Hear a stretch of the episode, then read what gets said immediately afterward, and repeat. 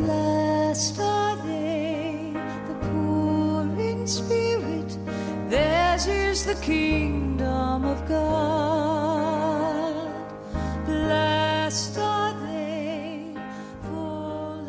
Vrienden, voordat ik naar het evangelie ga, eerst eventjes naar Paulus. We komen een tweede, in de tweede lezing tegen. Dat is een brief aan de christen van Korinthe. Daar staat iets heel kernachtigs. Als Christus niet verrezen is, is uw geloof waardeloos. Dan, en als je toch je hoop op Christus vestigt, terwijl hij niet verrezen is, ja, dan zijn we de beklagenswaardigste onder alle mensen. Dat is een kernachtig iets. Als Christus niet verrezen is, daar is dus alles op gebaseerd, op de verrijzenis. En als hij niet verrezen is, ja, dan is heel het evangelie niets waard. Ook niet een beetje, nee, niets. Je hebt natuurlijk theologen zoals Bultmann die zeggen: het maakt niet uit of Jezus verrezen is of dat die wonderen echt gebeurd zijn. Dat maakt de Bijbel niet minder waard. Niet minder waar, beter gezegd. Nou, Paulus maakt daar gehakt van. Ehm, en bovendien, door wie laat u het meest overtuigen? Door Paulus, die Christus ontmoet heeft, door de evangelisten die hem gekend hebben en die het onderzocht hebben, of door iemand die het onderscheid niet kan maken tussen een evangelie en een rood kapje.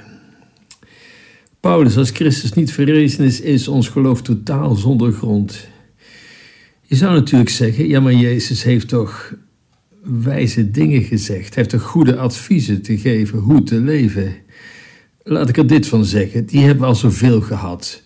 Laat ik namen noemen als Gandhi, Martin Luther King, Confucius, Socrates, Socrates Boeddha.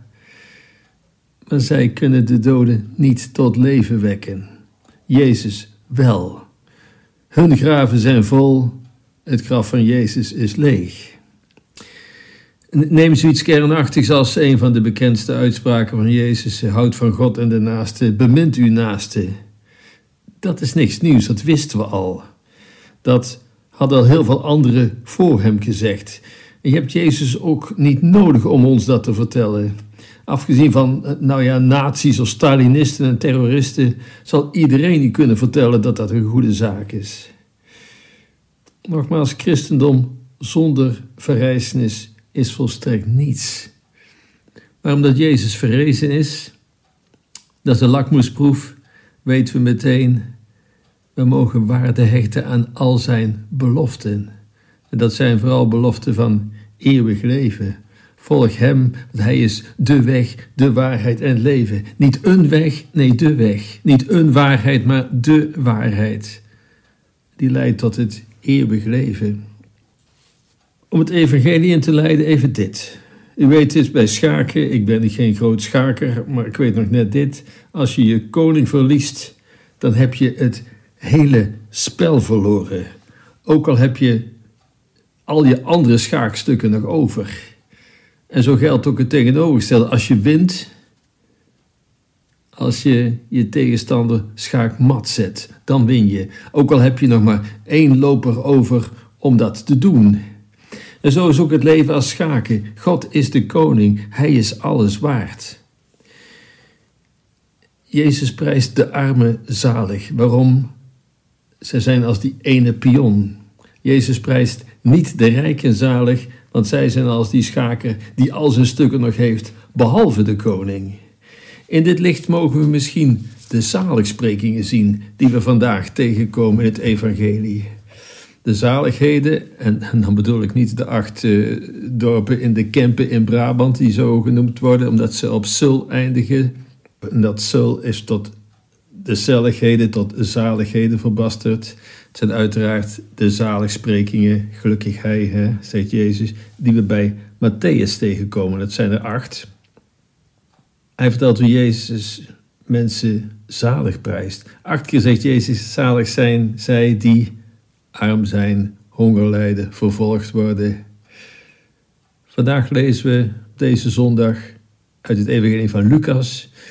Die omschrijft het wat anders. We komen daar de vier zaligheden tegen. Over die zaligheden is heel wat geschreven. Misschien hebt u wel eens gehoord van het boek van Karel van het Reven, de broer van Gerard. En die Karel van het Reven, het is al een hele tijd geleden hoor.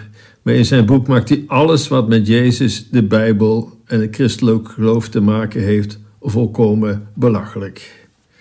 Of denk aan die Amerikaanse professor die een boek geschreven heeft met de titel De Waanzin van Jezus. En hij maakt erin grappen over Bijbelverhalen. Hij lacht om het verhaal van de drie koningen, de ster van Bethlehem en de maagd die een kind krijgt.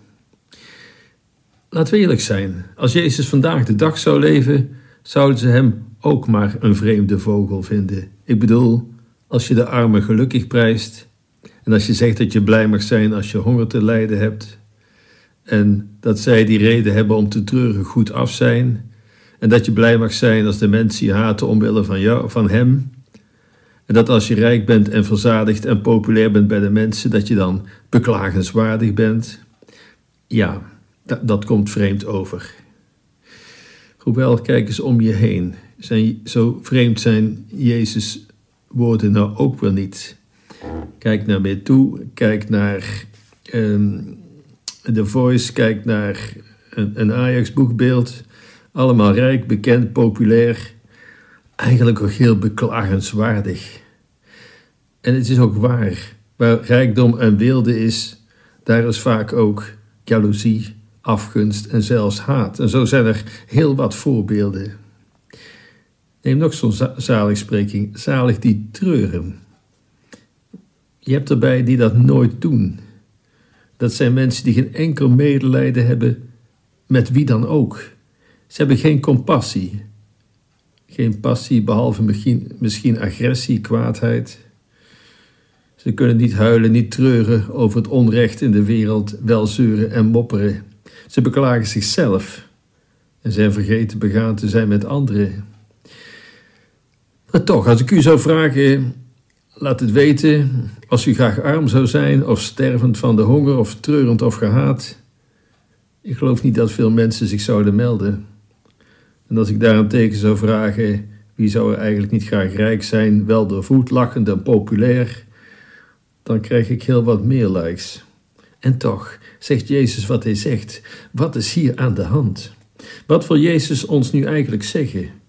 Om te beginnen is het goed om te beseffen dat God ons niet geschapen heeft om in armoede te leven of om ongelukkig te zijn en miserabel en door niemand bewind te worden. Armoede is op zich genomen geen zegen, maar iets wat bestreden moet worden. Het is een kwaad. En datzelfde geldt eigenlijk voor al die andere zaligsprekingen. Armoede, honger, haat, uitsluiting, bespotting. Dat heeft te maken met het kwaad in de wereld. En dit zijn dingen die geen enkele ouder zijn kinderen toewenst. En ook God wil ze niet. Het is een christelijke taak om het kwaad uit te bannen. En toch, Jezus noemt ze zalig. Zalig die hongeren, die te lijden hebben enzovoorts. Misschien ligt het antwoord in dat kleine bijzinnetje, zalig die arm zijn, treuren, etc. Omwille van mij, zegt Jezus. Want in die tijd, als je Jezus volgde, dan werd je vervolgd, dan werd je afgebrand, afgeschreven. Het is de tijd van de christenvervolging. En als je ja zegt tegen Jezus, wist je wat je te wachten stond. Inderdaad, armoede, haat, letterlijk tranen in de ogen. En Jezus vraagt aan zijn leerlingen of ze bereid zijn zijn weg mee te volgen. En tegen die ja zeggen zegt hij: Zalig ben je als je nu arm bent, hongerig en als je je mijden, en dat zal gebeuren. Je zult vrienden en familie verliezen, maar weet wel dat dit de juiste weg is, die uiteindelijk tot zegen leidt. En tegen hen die nee tegen Jezus zeggen, zegt Jezus: je bent nu wel rijk, maar wat koop je daarvoor? Denk nog aan dat schaakspel. Je hebt alle pionnen nog, behalve het ene waar het om gaat, die koning. Weeg hij rijk, kijk eens iets verder dan je neus lang is. Zoveel welvaart, tegelijk zoveel weinig welzijn. Denk eens na hoe dat komt. Kijk naar Jezus. Waar kom je die telkens tegen? Bij degenen die het slecht getroffen hebben, die in zwaar weer verkeren, die arm zijn verstoten. En hij gaat met ze mee. En hij ondergaat het zelf. En hij vraagt aan zijn leerlingen: jazeker, hetzelfde te doen. En hij vraagt aan u, aan mij, hetzelfde te doen. wat hij toen zei, zegt hij ook nu. Er is geen twijfel mogelijk. Zoals Jezus tegen de wereld aankijkt, dat is eigenlijk precies het tegenovergestelde. Dan zoals de meeste van ons tegen de wereld aankijken, tegen het leven aankijken. En toch vraagt hij aan iedereen die hem wil volgen, die zich het etiket christen laat aanmeten: doe hetzelfde. Volg mij in mijn voetsporen. Karel van het Reven mag dat dan bezopen vinden. Die Amerikaanse prof verklaart je dan voor gek. En de enige vraag aan u en mij is: ben je gek genoeg om die zaligsprekingen te accepteren en ernaar te leven? Bent u gek genoeg om de levensstijl van moeder Teresa te bewonderen, van Pirke Donders, van noem ze maar op, hun levensstijl, hun levensovertuiging, hun geloof? Zij zochten niet het geluk voor zichzelf, maar voor anderen en vonden al dus het levensgeluk. U weet het, in het leven gaat het zo: ik ben wel goed, maar niet gek. We trekken een grens. Daar begint christendom pas. Bent u gek genoeg om te geloven dat God u geluk kan geven, dat al ons aardse vertier ons niet kan geven? Dit stukje evangelie, deze preek van Jezus, is niet zomaar een mooi stukje poëzie, zo van, goh, mooi gezegd. In het christelijk geloof is geen plaats voor valse sentimenten. Het katholiek geloof is er niet voor watjes. Het is gemakkelijk om te lachen om Jezus woorden. Het is veel moeilijker om ze serieus te nemen en te verwezenlijken.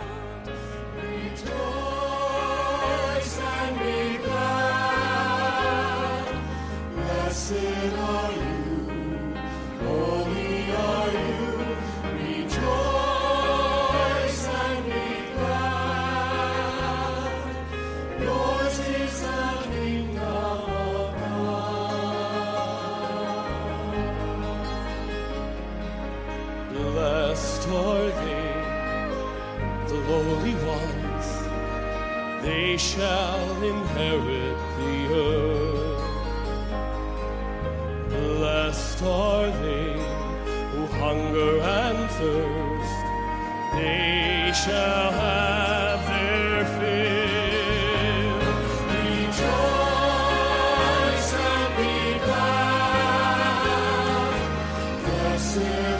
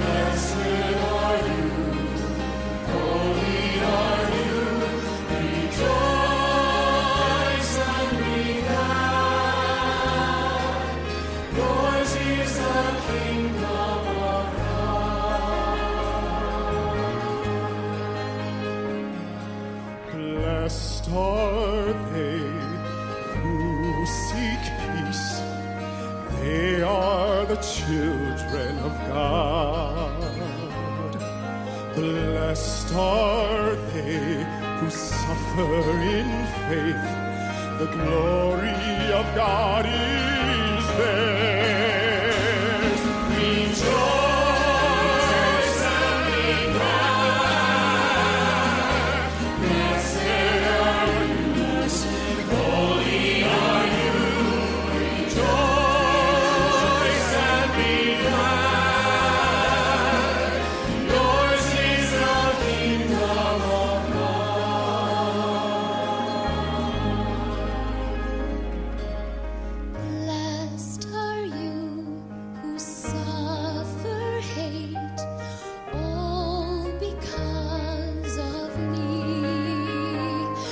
就